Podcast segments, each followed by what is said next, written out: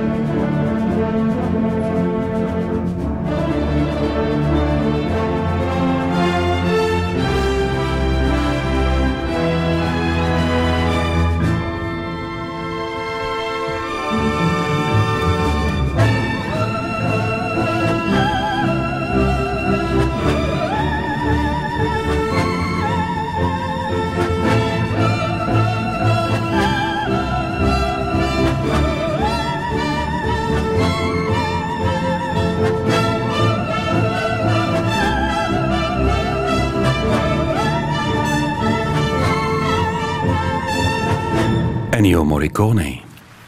In Weet ik veel over goud, terecht applaus. Want dit nummer heet The Ecstasy of Gold. En daar gaat het dus vandaag over in Weet ik veel. Maar vooraleer we verder praten met financieel econoom van KBC, Tom Simons, over de economische waarde van goud. We bellen even met Manuel Sintobin, geoloog aan de KU Leuven. Goedemiddag. Goedemiddag. Kan u mij uitleggen wat goud, het, de materie, precies is? Ja, uh, goud is eigenlijk een chemisch element. Hè. Het, uh, in de tabel van Mendeleev staat het op heeft atoomnummer 79 mm -hmm. en uh, zit daartussen platinum en kwik. en het is, is eigenlijk een vrij inert, ja, het is een edelmetaal en, en komt dan ook eigenlijk vaak, vaak voor als gedegen metaal, dus als goud.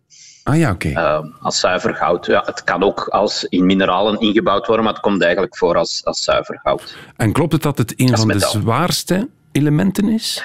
Ja, het zit al met 79, dan zit al aan de zwaardere elementen. Hè. Dus uh, met... Uh, ja, die, die, natuurlijk voorkomen. Hè. Dus je hebt Ja. dan verder gaat het nog naar plutonium en, en, enzovoort. Maar het is een van de zwaardere elementen. En hoe ontstaat dat? Ik lees ergens dat het uit de ruimte komt.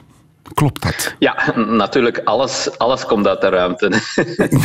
nee, dus, ja, Maar dat dus het ooit op deze planeet is geland en dat we daarom Ja, goud ja. hebben. Ja, nee, alle chemische elementen uh, van de tabel van Mendeleev zijn, zijn ooit ergens gevormd in, in een ster. Hè. Dus bij stervende sterren en, en exploderende sterren in een supernova, zeker die zware elementen, die worden daar um, gemaakt en dan eigenlijk uh, de ruimte ingestuurd. Hè. Dus uh, goud is aanwezig in het ruimtestof, uh, overal in, in het heelal. En ja, wanneer dat er zich dan een, een ster ontwikkelt en, en daar planeten rond uh, zich gaan vormen, ja, dan, dan wordt dat goud ook mee geïncorporeerd, ingebouwd als, als element in, in die planeten, zoals in de aarde uiteindelijk. Maar die gouden ring rond, rond getrouwde mensen, hun ringvinger, is niet rechtstreeks afkomstig uit een, een, een exploderende ster. Ja, ooit wel. Hè. Toch Lang wel. geleden ah, ja. is dat. Ja, en, en dus die, dat, die gouddeeltjes, die goudatomen, uh, uh, die zijn mee opge opgenomen in, toen dat de aarde gevormd is. Uh, in de aardkorst, in de aardmantel uiteindelijk. En, en dat is overal aanwezig eigenlijk. Mm -hmm. in, in heel diffuus is dat aanwezig in de aardkorst. En wordt er op dit moment onder onze voeten goud gecreëerd door, door ja. druk en door gesteenten die smelten en toestanden? Nee, goud gecreëerd niet. Hè? Dus dat goud, die elementen zijn, zijn overal aanwezig, maar is heel diffuus aanwezig. Hè? Dus uh, eigenlijk, wanneer dat we gemiddeld kijken naar, naar de aardkorst, dan is de concentratie ongeveer um, 1 tot 4 deeltjes per miljoen deeltjes. Dus dat is, uh, per, sorry, per miljard deeltjes. Dus dat is heel weinig, uh, heel diffuus aanwezig. En alvorens dat je dat kunt uitbaten hè, en dus een gouderts hebt, uh, moet je dat zeker met 100 tot 1000 keren in concentratie doen toenemen. En dat zijn allerlei geologische processen uh, in de diepe ondergrond die daarvoor zorgen dat je dat concentratieproces krijgt, om dan uiteindelijk een gouderts te hebben dat, wanneer dat, dat dan aan de aardoppervlak komt, kan uitgebaat worden. En die geologische processen die zijn eigenlijk onder onze voeten nog altijd actief. Dus nu worden er erts, uh, goudertsen gevormd die misschien binnen een paar miljoen jaar kunnen worden uitgebaat. En die we dan kunnen zo zeven uit een rivier. En dat is dan nog een verdere stap. Hè. Uiteindelijk, wanneer dat uh, aders, goudaders uh, aan de oppervlakte komen en die gaan verweren en, en eroderen. En door, uh, dat goud wordt meegenomen door rivieren. En omwille dat het heel zwaar is, gaat dat zich dan concentreren in wat dat men plassers noemt uiteindelijk. Hè. Dus eigenlijk goudafzetting in rivieren. En dan zie je het typische beeld van uh, de goudzoekers met hun ja, pannen. Ja, ja, ja, Nog een laatste vraagje, beste Manuel Sentubin. Uh, hoe zeldzaam is goud? Ja, het, het, is, het, het, het, moest je nu, het is overal aanwezig. Hè. Het is, een, het is, dus een, het is helemaal een, niet zo zeldzaam, zeg je? Of, of... Ja, nee, het is eigenlijk wanneer dat je het effectief gaat berekenen hoeveel goud dat er in de aardkorst uh, zit, dan zijn dat gigantische hoeveelheden.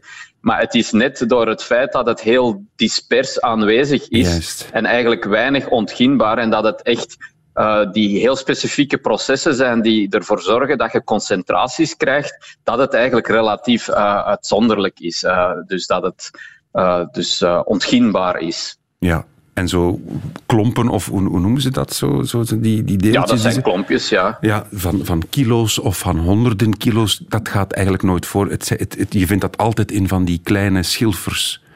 Ja, een kleine klompjes uiteindelijk. Hè. Uh, dus uh, in, in, vaak is dat in, in kwartsaders en dergelijke, dat dat goud ook uh, aanwezig is uh, en hm. kan ontgonnen worden. Interessant. Mag ik u danken voor dit korte intermezzo? Graag gedaan. Nog een, uh, een goud weekend zou ik u toewensen. ja, u ook. dag. Weet ik veel. Radio 1. I love gold! I Love Gold uit de film Austin Powers Gold Member. We praten voort met Tom Simons, financiële econoom van KBC. Wist jij dit al? Want jij bent met goud bezig als economisch ding, maar wist jij ook over het gesteente, over de chemische samenstelling. Ben je daar dan ook mee bezig? Nee, daar zijn wij veel minder mee bezig. Ja, dus het feit dat we een kleine ster aan onze ringvinger hebben hangen, vind ik wel uh, inspirerend. Dat is fantastisch, hè? Ja, absoluut. Het uh, komt uit de ruimte. Maar ja, alles komt uit de ruimte. Ja, natuurlijk. En als je dan terugkijkt hoe lang de mensheid daar toch al door uh, ja, geïnspireerd en bewonderd is door dat blinkende klompje goud, van, Ja. eh, dat we daarnet hoorden. Dat is dat interessant om te zien hoe dat, dat vroeger was, vandaag en in de toekomst ook nog zal blijven. Dat is iets dat eeuwig is wat dat betreft. Ja, je bent econoom, maar ben je ook een, ook een beetje historicus? Je- Wanneer zijn ze bezig? Van- Vanaf wanneer was dat goud een, een economisch ding? Historicus ben ik niet, maar om die vraag toch te beantwoorden, want natuurlijk is dat belangrijk om dat te kunnen inschatten, moet je eigenlijk al teruggaan tot 5.000, 6.000 voor Christus. Zo ver al. En dat had veel te maken met cultus en eh verering en afgoding. En ja, zoals dat we er straks hoorden, dat blinkt. En Ja. dat lag vroeger wel iets meer in de rivieren dan dat dat vandaag nog is. Ja. En dat, ja, dat spreekt tot de verbeelding. En, en daaruit vloeit natuurlijk dat dat goud in eerste instantie in juwelen werd gebruikt Ja, tuurlijk. juwelen, beeldjes voor afgoding. Mhm. En dan heel vaak zie je bij de Inca's of eh, waar dan ook in Egypte, Mesopotamië, dat dat, eh, dat was de verpersoonlijking van de zon op aarde. Hè. Dus Maar dat- het heeft altijd wel die rijkdom als, als imago gehad. Hè? Sowieso, hè, want Ja. uit goud vloeide macht. Dus wie goud had, had Voilà. macht. En ook dat was wat ik zeg, dat is vandaag eigenlijk niet helemaal anders. Alleen in een andere vorm. Hè. Vandaag zijn dan de, de goudkoningen de centrale banken, als het ware. Maar vroeger waren dat dan effectief de koningen, de farao's of wat dan ook. En dan moet je al teruggaan tot 6000 voor Christus. Mhm. En eigenlijk goud, om dan... eh, als, als, als middel, om dat te ruilen, om in zekere zin daar waarden aan toe te kennen en iets mee te doen, dat is ook al ver van voor Christus, zelfs tot, eh, ja, nu, eh, tot 2000, tot 600 voor Christus, dat dat gebruikt werd. Als, als, niet, niet zozeer als munt dan, maar puur... Ook als- Er werd er een waarde aan gegeven. Ja, ook als munt. En, en misschien is dat wel heel tof om dat even te duiden, Kobe. Wa- waarom goud? Zilver ook, hè? maar goud was zo net iets meer bling-bling. Ehm, dat- dan beantwoordt dan alle criteria dat, iets, dat een waardevast medium heeft. Hè? Dus Stel, dat is interessant. je, je moet het, ehm, het moet duurzaam zijn. Hè. Goud vergaat niet. We hebben dat er straks gehoord. Het komt van de sterren, het is er. Eh, het mag ook niet ehm, ehm, weggaan door, door, door, door, natuuromstandigheden. Hè. Dus Het kan, niet sm- ah ja, het kan Ja. wel smelten, maar het kan niet verdampen. Of het, Nee, ah, wel, dat is, Het is er, Het, ja. is er, het is duurzaam. Maar Je kan dat dragen. Natuurlijk niet in een klomp van 200 kilo, maar kleine klompjes kan je makkelijk dragen. Je kan het ook opdelen en vooral, je kan dat overal inwisselen. Iedereen heeft wel ergens iets van, wauw, dat stukje goud wil ik wel. En dat zijn vier belangrijke kenmerken dat doorheen de tijd altijd centraal hebben gestaan. Je kan maar iets ruilen als dat inwisselbaar is. Opdeelbaar, niet vergankelijk. En pas op, wij hebben ook brons gebruikt, of goud, of zilver, zakken zout, schelpen. Je kan het zo gek niet bedenken. zout. Ja, ja, absoluut. In het Romeinse Rijk was dat ook een betaalmiddel. Maar dan zie je dat dat niet blijft duren. Hè, omdat dat vroeg of laat, zeker zout, ja, dat, daar moet je mee oppassen. Hè. Je moet dat niet in de regen leggen, bijvoorbeeld. Dan, dan Ah ja, ja, dan- ja dan, inderdaad. eh, het zout wordt dan geen goud, om het zo te zeggen. Maar ja, goud is wel metalen, zware metalen, die duidelijk wel. En dan ga je dus terug tot 6000 voor Christus, 3000 voor Christus, om eigenlijk, ja, pas eh, in de Chinese Ming-dynastie, die we ook kennen van porselein bijvoorbeeld, om dan echt te zien dat, dat het wel begon gebruikt worden als munten. Of Daarvoor ook al, maar ja, dan zie je pas dat dat wat meer op gang komt. En dat vervangt dan gradueel de schelpen en alle andere betaalmiddelen. Ik lees de eerste munt, 600 voor Christus, een goudstuk met een leeuw in het rijk Lydia, de Lydiaanse leeuw. De Lydiaanse leeuw, ja, ja absoluut. Dat, dat is zo een van die, van die eerste eikpunten van waar we gezegd hebben, kijk, tja, dat is precies toch een manier waardoor een maatschappij heeft gezegd, kijk, dit vertegenwoordigt een waarde en je kan daar iets mee doen. Dat wil niet zeggen dat daar toen miljoenen van die munten waren en dat is ook geen maatschappij waarin alleen maar met goud en munten betaald werd, maar het was wel zo'n eikpunt. Wie Ja. dat had, had welvaart, macht, rijkdom. Wie parels, goud en edelstenen heeft, die heet Jo Leemans.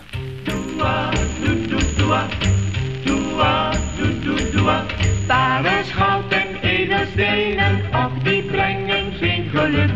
Nee, mijn hart wil slechts dat ene. Mijn hart wil jou terug. Geluk was kort van duur met jou, al gaf je me als bewijs van trouw de mooiste diamantenring. Ik dacht toen jij van mij wegging, Parels, goud en edelstenen, och die brengen geen geluk. Nee, mijn hart wil slechts dat ene. mijn hart wil jou terug. Jij stuurde mij uit Singapore een duur en glanzend parelsnoer. Maar toch had ik toen het gevoel, de brief erbij was nogal koel. Parels, goud en edelstenen, ach die brengen geen geluk. Nee, mijn hart wil slechts dat ene. Mijn hart hart wil jou terug. En later kreeg ik toen uit Wenen een mooi etui met edelstenen. Je gaf het antwoord dat ik zocht, ik had mijn hart wel duur verkocht. Parels, goud en edelstenen, och die brengen geen geluk.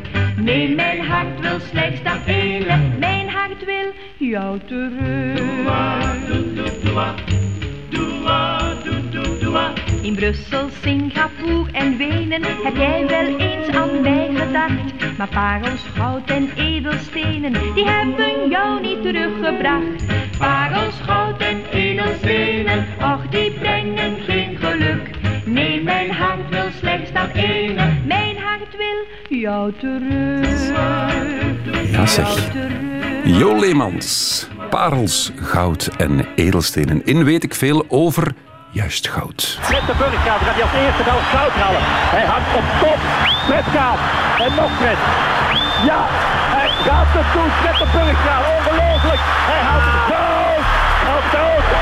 Joh, 500 jaar van het seconde. Oeh, het was spannend. We konden veel Olympische momenten kiezen waarin een Belg goud wint. Want goud is de kleur of het bestanddeel van de medaille voor de eerste plaats. En daar gaat het vandaag over, hè, over dat goud, dat metaal, dat edelmetaal. We hebben al gehoord dat het eigenlijk uit de ruimte komt. Maar ja, alles komt uit de ruimte blijkbaar. We hebben ook al gehoord dat het sinds duizenden jaren voor Christus als een soort waardemiddel werd aanschouwd.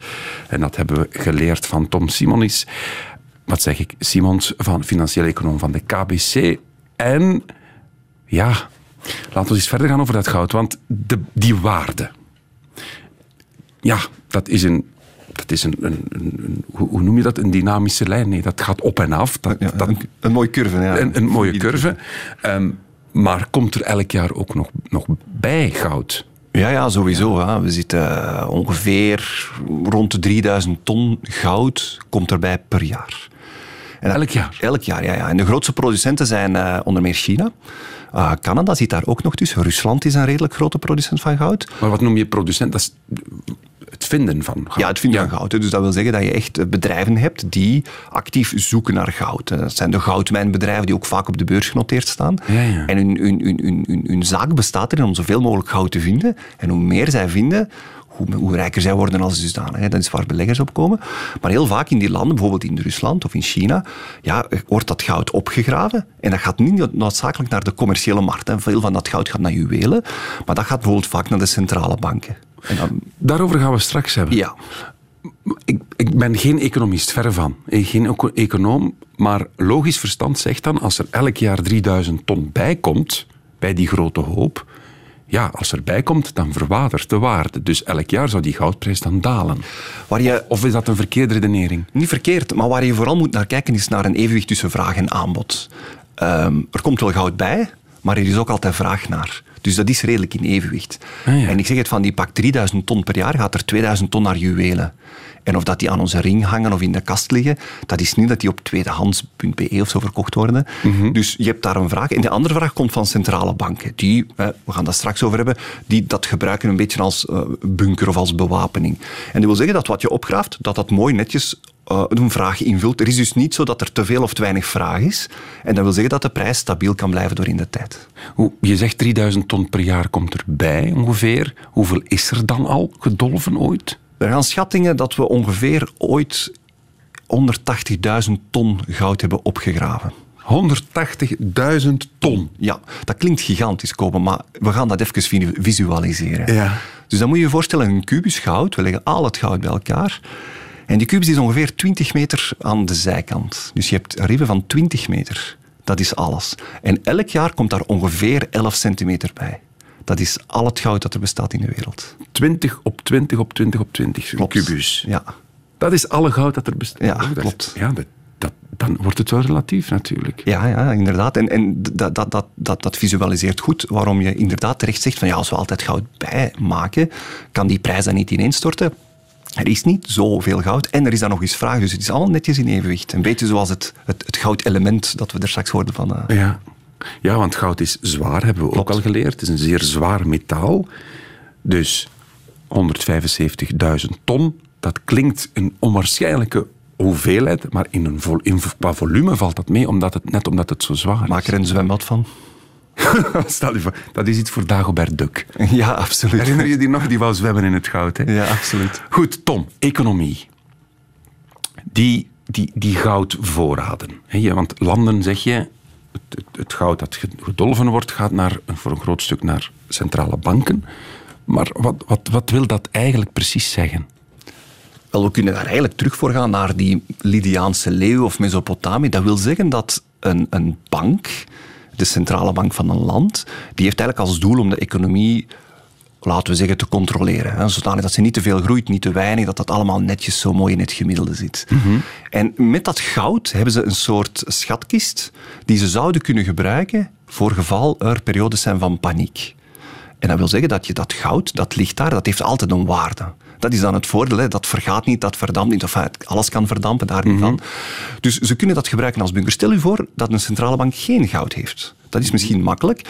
En er, komt, er is een probleem. Uh, uw, uw, economie gaat, het gaat heel slecht. Stel er is een pandemie of zo.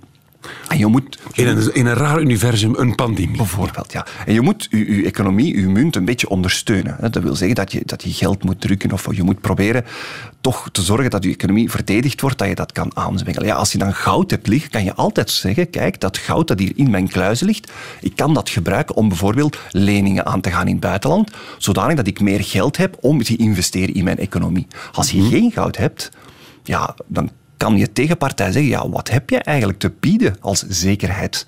En dat is die functie dat goud zekerheid biedt. Het ligt in een kluis en dan kan een centrale bank zeggen, oké, ik heb 100 ton of 1000 ton liggen.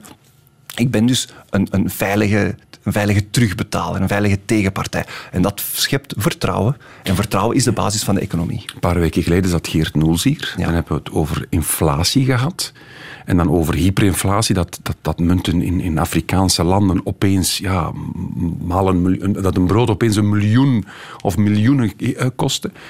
Kan je die link maken tussen inflatie en goud? Goud zorgt ervoor dat je munt niet onmiddellijk volledig kan, kan verwateren. Is, is, is dat een logische redenering? Bekijk het via deze manier. We nemen jouw brood. Stel dat kost eh, vandaag 100 dollar en morgen 110 dollar. Ja. Dus dat briefje van 100 dollar, daar kan ik morgen geen eens een brood meer mee kopen. Dus die 100 dollar die ontwaart, dat is wat inflatie doet. Je kan minder kopen met datzelfde briefje. Maar goud heeft niet dat probleem. Want goud, bijvoorbeeld 1 kilo goud, is dan, laten we zeggen, gelijk aan dat brood vandaag. En morgen gaat dat nog gelijk zijn aan uh, dat uh, je kan daar nog altijd met die kilo één brood kopen, omdat dat goud in inflatietijden wordt meer waard. Dus goud behoudt zijn waarde terwijl de munt ah, ja. verliest. En dat is de reden, Kobe, als je terug gaat kijken naar de oprichting van de dollar in 1913, is eigenlijk de dollar 97% van zijn waarde kwijtgespeeld. En het goud is eigenlijk nog evenveel waard in dollartermen. En dat is waarom we zeggen in inflatie dat goud zijn waarde behoudt. En dus als het even moeilijk wordt, ja, dan wordt er nog altijd teruggegrepen naar ah, welke goudvoorraad heb ik. Daar kan ik tenminste ja. zeker van zijn. En dat is waarom centrale banken graag soms nog altijd goud in hun kluizen hebben. België iets minder, Rusland iets meer vandaag. Hoeveel, hoeveel goud heeft België? Ongeveer 220 ton. 220 ton ja, goud? Ja, ja. Ligt dat hier ergens... Uh ik weet niet waar het, het zegt. parlement? Nee, dat, dat, zeker nee. niet. Ze zouden dat daar misschien wel graag hebben, maar dat is niet. Uh, dat gaat waarschijnlijk in Londen liggen. Ze, ze, ze, ze, moeten daar niet altijd even transparant over communiceren. Maar Londen heeft bijvoorbeeld grote goudkluizen. En het kan zijn dat er ook een stukje in Amerika ligt. Daar heb je het bekende Fort Knox. Ja, ja dat wil ik straks Grote goudkluizen. Ja. Maar je zegt, die 227 ton, dat is niet veel. Nee, dat is niet veel. Uh, we zijn ook een klein land en we hebben het ook niet nodig. We zitten mooi in Europa ingebed, in die, in die warme baarmoeder van het grote geheel, zullen we zeggen. Ja. Maar als je kijkt naar uh, Amerika, die zitten op 8000 ton. Uh, ik ga nog een paar cijfers noemen. Duitsland, Italië, Frankrijk, de oude economieën, hè, die dus, ja, ook nog van vroeger hun goud hebben overgehouden, die zitten allemaal rond 3000 en 2500 ton goud. En dan praat je direct over waarderingen tot 300, 400 miljard dollar. Ja, ik, ik doe rap de rekensom. 8000 ton zeg je, Amerika, ja, dat, dat is rond de 500 miljard Klopt. dollar. Klopt, ja. Maar, nee, dat is voor straks. Ik heb nog een interessante... Ik ga, ik ga straks vragen. We gaan eerst luisteren naar een nummer uit 1933. Lee Reisman en Fred Astaire.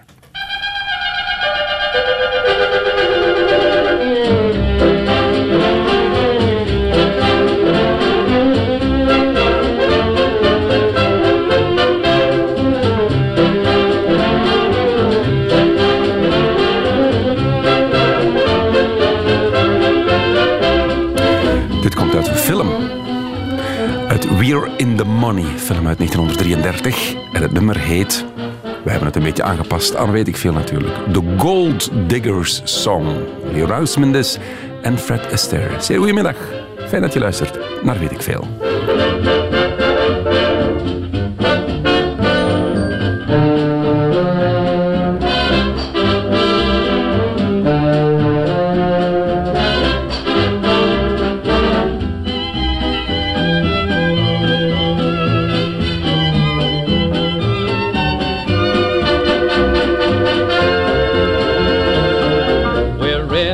Money, we're in the money. We've got a lot of what it takes to get along. We're in the money, the skies are sunny. Old man depression, you are through, you done us wrong. We never see a headline about a bread line today. And when we see the landlord, we can look that guy right in the eye. We're in the money. Come on, my honey. Let's spend it, send it, lend it, rolling along.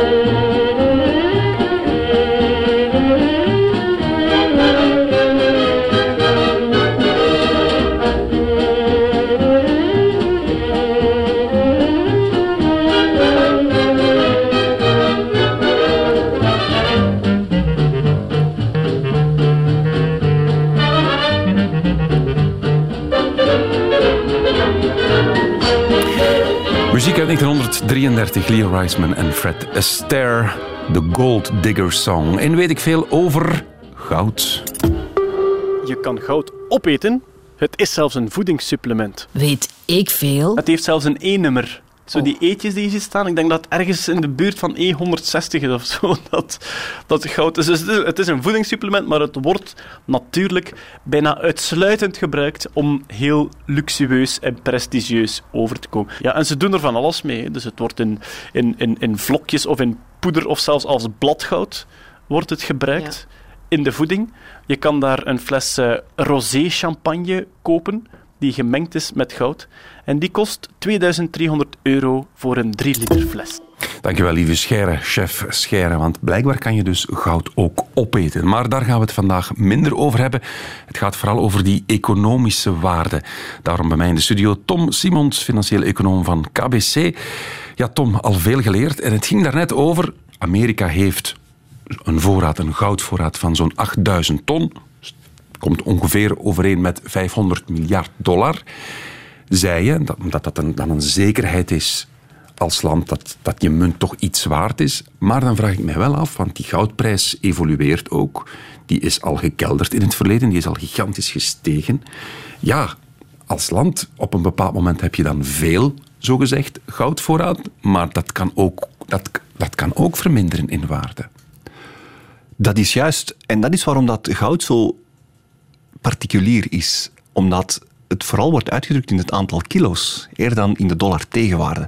Wij Ah ja, berekenen die dollar tegenwaarde, maar de kilo's zijn minstens even belangrijk. Natuurlijk, als je ze nodig hebt, op dit moment bijvoorbeeld, hè, Rusland zou het kunnen gebruiken om geld te zoeken, om zijn eh, activiteiten te financieren. Maar anders ligt dat daar gewoon. En dan zijn de kilo's belangrijker om te zeggen van oké, ik heb zoveel kilo, ik ben de grootste. En dat is bijvoorbeeld de verklaring waarom als we een stuk of 40 jaar teruggaan, hè, toen, eh, enfin, iets langer zelfs al, eh, 1944 juist, toen een, een akkoord, en dat noemde Bretton Woods, en dat was een heel omvangrijk akkoord. En dat heeft er eigenlijk voor gezorgd dat de goudprijs en de dollarprijs aan elkaar gekoppeld werden. En dan was het gewoon belangrijk wie had het meeste goud. En Amerika had het meeste goud. En dat is eigenlijk de verklaring waarom de dollar vandaag de wereldmunt is. Dat is lang niet altijd geweest. Hè. We hebben de Portugese escudo gehad, die dat de wereldmunt, het Britse pond.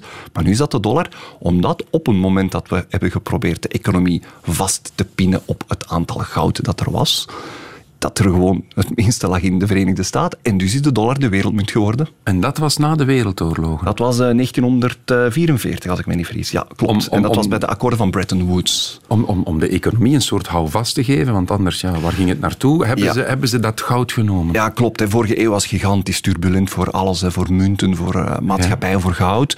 En je komt dan uit die crisis, de crash van Wall Street. Je hebt de grote depressie na de Wereldoorlog 1. En men wou toch wel eventjes een beetje beetje orde op zaken stellen, want eh, er was geen vertrouwen meer in de munten. En dan heeft men dat gestel- gesteld. Dus we zeggen, kijk, er kan maar zoveel geld zijn als dat er goud is. En de dollar werd vastgepind op 35 dollar eh, per goud. Sorry, de goudprijs werd vastgezet op 35 dollar per troy ounce, zoals we er straks gezegd En we hebben trouwens een, een eh, luisteraar die heeft, heeft gestuurd. 1 troy ounce is 31,103476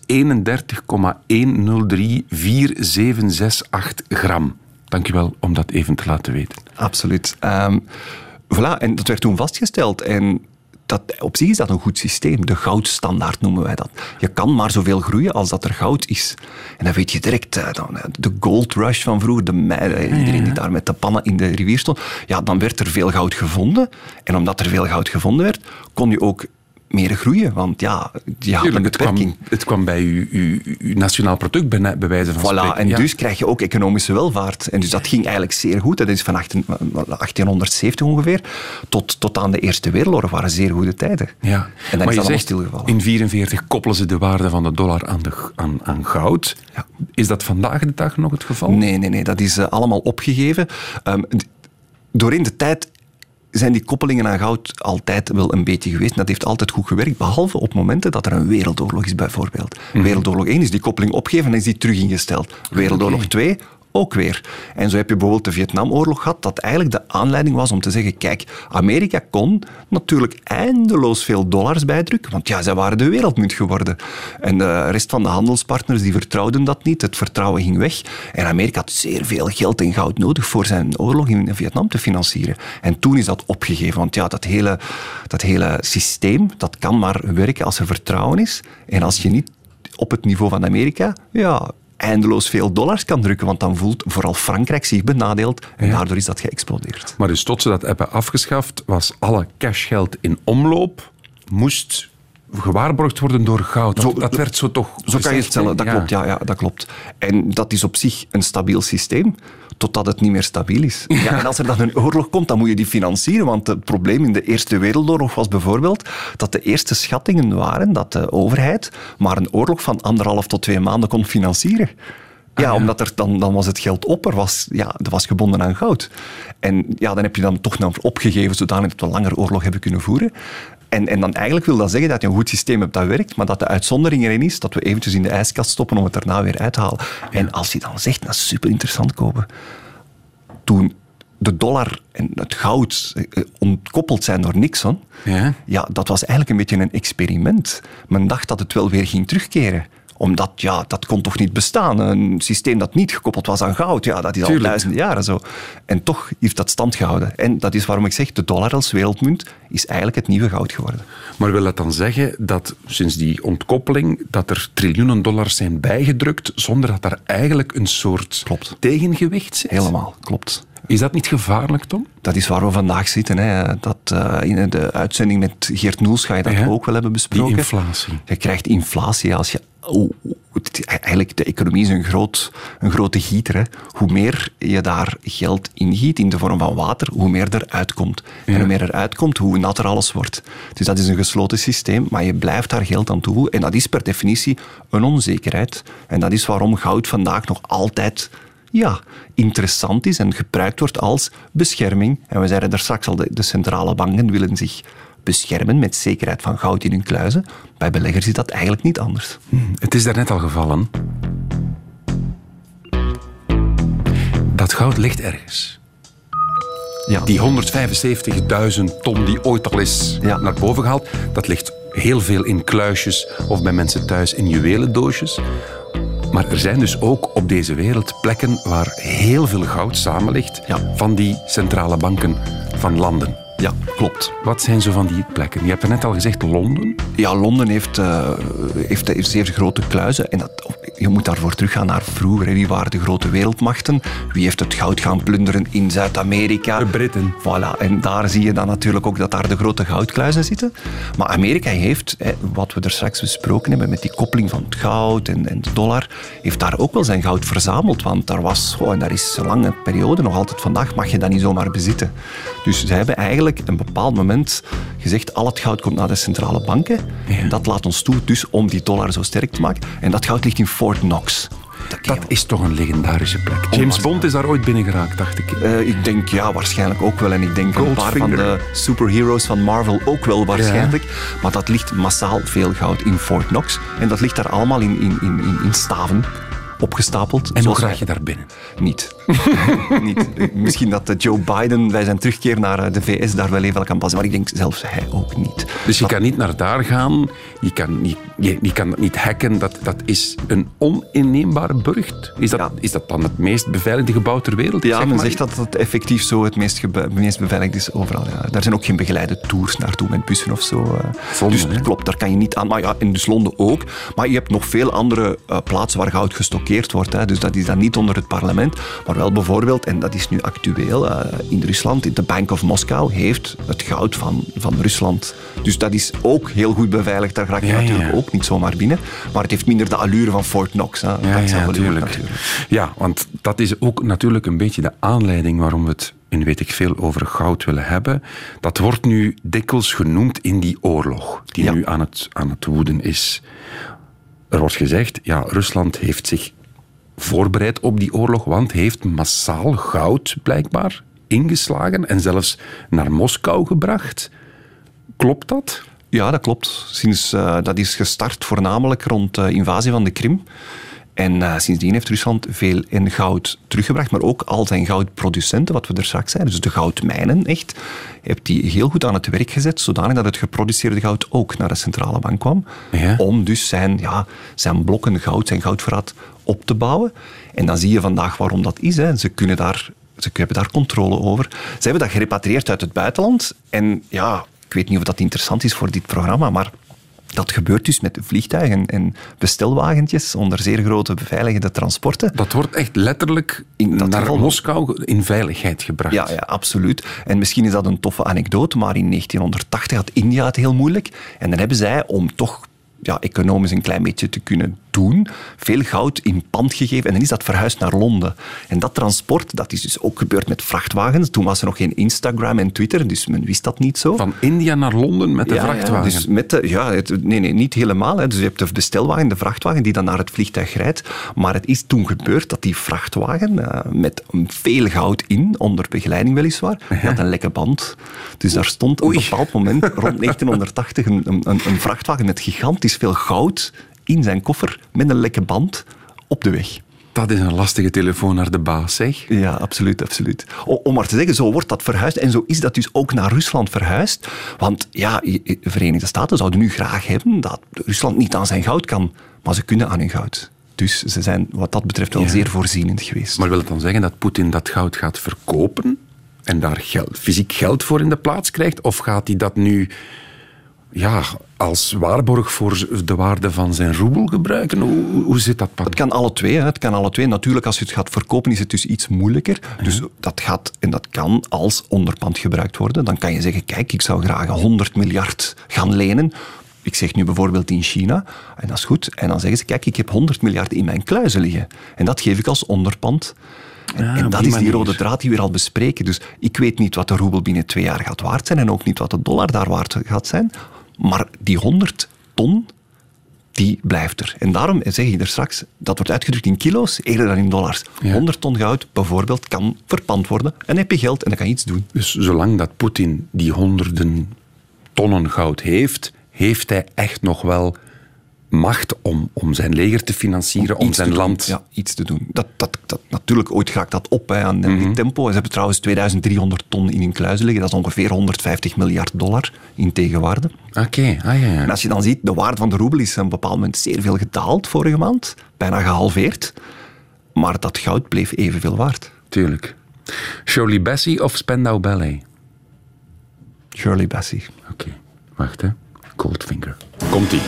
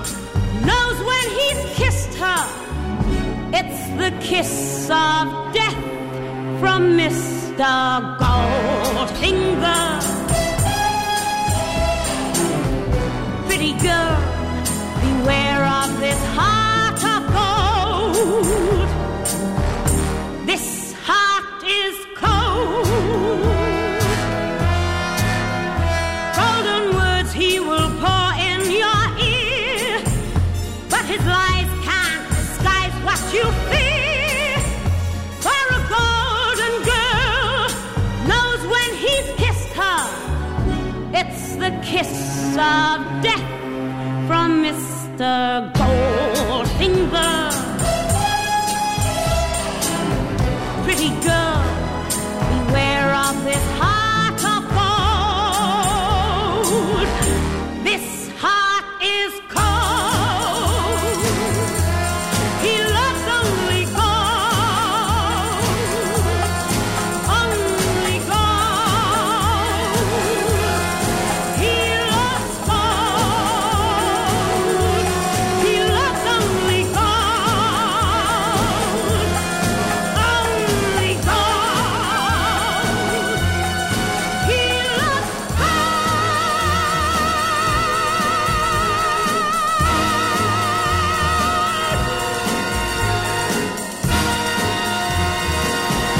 Shirley Bassey, Goldfinger in weet ik veel over goud.